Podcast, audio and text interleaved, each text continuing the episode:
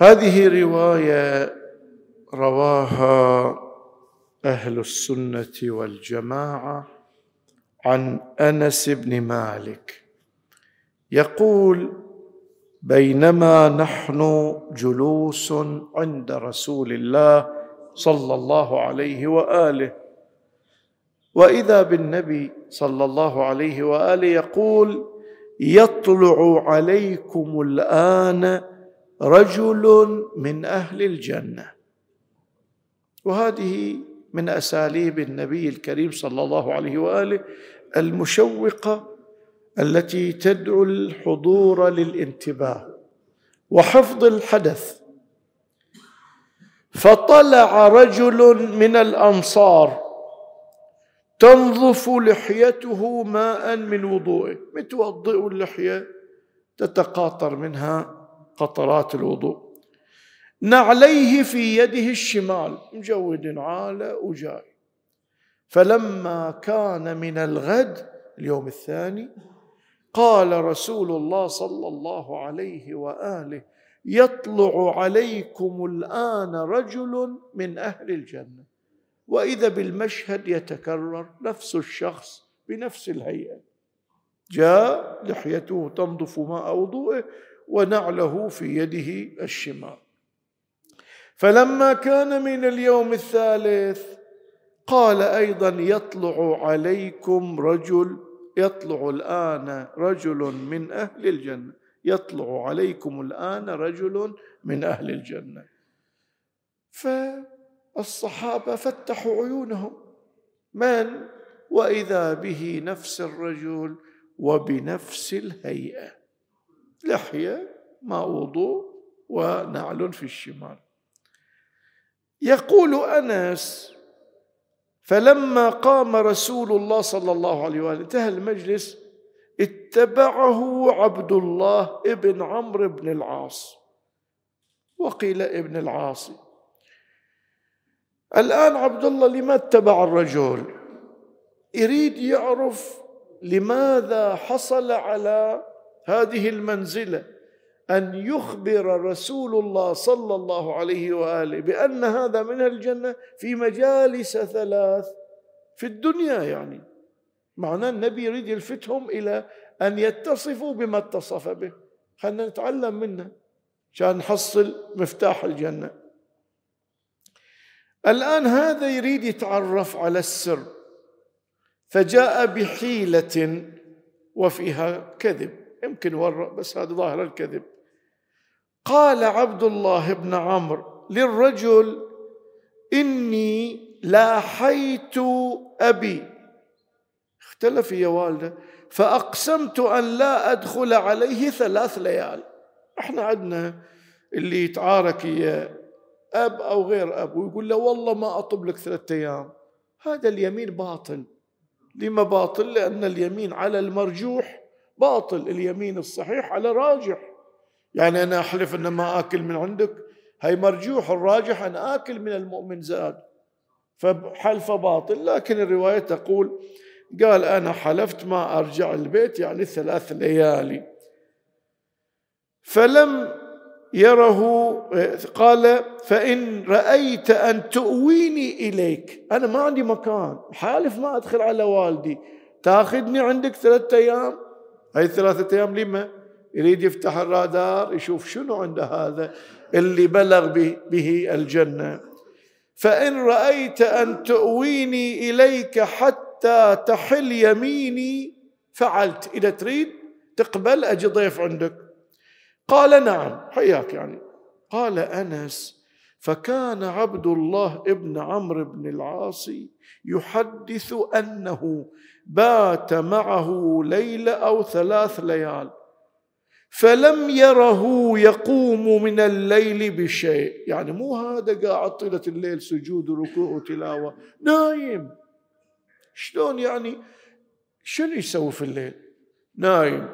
إذا انقلب في نومته ذكر الله. في قلبته شيء قال الله أكبر ورد نام ما قام صلى. الفجر إي قام صلى صلاة الفجر.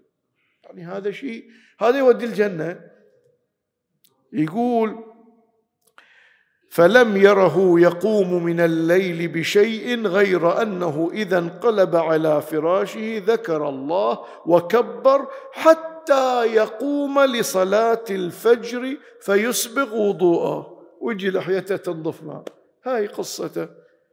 قال عبد الله غير أني لا أسمعه يقول إلا خيرا. هاي الإنسان مو هذا اللي يكب الناس على مناخرهم في النار؟ ها هذا اللسان. يقول لسانه ما يقول الا شيء خير ما, ما يصير لاحد ولا يغتاب ولا شيء قلت يا عبد الله أح انتهت المدة أنا الآن عشت إياك ثلاث ليالي. ما شفت منك شيء. قلت يا عبد الله إنه لم يكن بيني وبين والدي غضب ولا هجرة. ترى أنا هاي كلها حيلة ولكني سمعت رسول الله صلى الله عليه وآله يقول ثلاث مرات في ثلاث مجالس يطلع عليكم الآن رجل من أهل الجنة. فطلعت أنت تلك الثلاث مرات. كل يوم نفس الشخص. فأردت أن آوي إليك فأنظر عملك. فلم أرك تعمل كبير عمل. فما الذي بلغ بك ما قال رسول الله صلى الله عليه وآله؟ وش اللي وصلك المقام؟ يشهدك بالجنة في الدنيا. فقال الرجل ما هو إلا ما رأيت. بس هذا ما عندي غير. تعشت جاي أنا ما جاي لا أتخفى ولا هاي حالي. قام عبد الله انصرف. يقول فانصرفت عنه فلما وليت كلش بختفي عنه دعاني رجعني قال لي كلمة. فقال ما هو إلا ما رأيت غير أني. هذه نبيها إحنا الآن. لا أجد في نفسي غلا لأحد من المسلمين. ولا أحسده على خير أعطاه الله إياه. الحسد معناه بوصل الدنيا. هذا الرجل يصلي فهو مؤمن يصلي. عنده عندنا إحنا ثلاثة ذنوب ذنب لا يغفر ذنب لا يترك ذنب مغفور. الذنب الذي لا يغفر الشرك بالله هذا مؤمن. فهذا ما عنده مشكلة. والذنب الذي لا يترك ظلم العباد. وهذا يقول لا أحمل غل لا أحسد يعني سبب المشاكل الدنيا. فإذا الدنيا جت الحسد وجا الغيرة وجا وجا إذا ما في حسد ما في غل ما في شيء قلب نظيف. فما عنده تبعات. أما ذنوب بينه وبين الله ذنب مغفور. الله ينبي يغفر يريد أن يتوب عليكم. الصلاة إلى الصلاة كفارة ما بينهم ها إن الحسنات يذهبن. فالذنوب اللي بيننا وبين الله الله حط لنا طرق هي تتكفر روحها. لكن المشكلة في ظلم العباد. فهذا يقول أنا صراحة ما عندي إلا هذا. ما أحمل غل أحد ما أحسد أحد. فقال عبد الله بن عمرو هذه التي بلغت بك وهي التي لا نطيق. انت وصلتك إحنا نقول ما نقدر إلا نحسد إلا نتحامل. قهرني اهاني كل شيء نكبر الأمور. شيء صغير نكبر الأمور. هذا درس. واحد يقول رواية ما رواها يمكن بطريق صحيح كذا. أنا الآن مو واقف على سند لأن في مؤيدات لهذا المعنى. أن اللي يخرج من الدنيا ما عنده تبعات وهو على الإيمان يغفر له. فإحنا نريد نتعلم من هذا الدرس أن يكون همنا الذنوب التي لا تغفر الشرك ما أشرك والذنب الذي لا يترك ظلم العباد ما أظلم. أما بيني وبين الله أسعى أن لا أذنب لكن إذا أذنبت بستغفر الله فاتح بابه. لكن تبعات العباد. لهذا أمير المؤمنين في الرواية أقدموا على الله مظلومين ولا تقدموا عليه ظالمين. المظلوم بيعوضونه في الآخرة. يقدر يسامح ما يسامح كيف؟ بيعوضونه. إلا الظالم شلون يرتبها في القيامة؟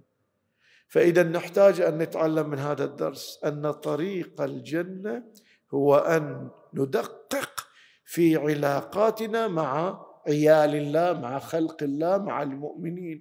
نسعى دائما إلى أن لا نحمل غلا. هو أهاني. ربونا أهل البيت على شيء يسمونه التغافل كأني ما سمعت. ربونا على الحلم ربونا على العفو ربونا على أن طريق العز هو العفو. إن العز لا لا يزيد صاحبه إلا إن العفو لا يصيب لا يزيد صاحبه إلا عزا. فتعافوا يعزكم الله. إذا نحتاج إلى أن نتربى على أن لا نحمل الغل وأن نتجنب الحسد. أستغفر الله لي ولكم والحمد لله رب العالمين وصل اللهم على محمد وآله الطاهرين.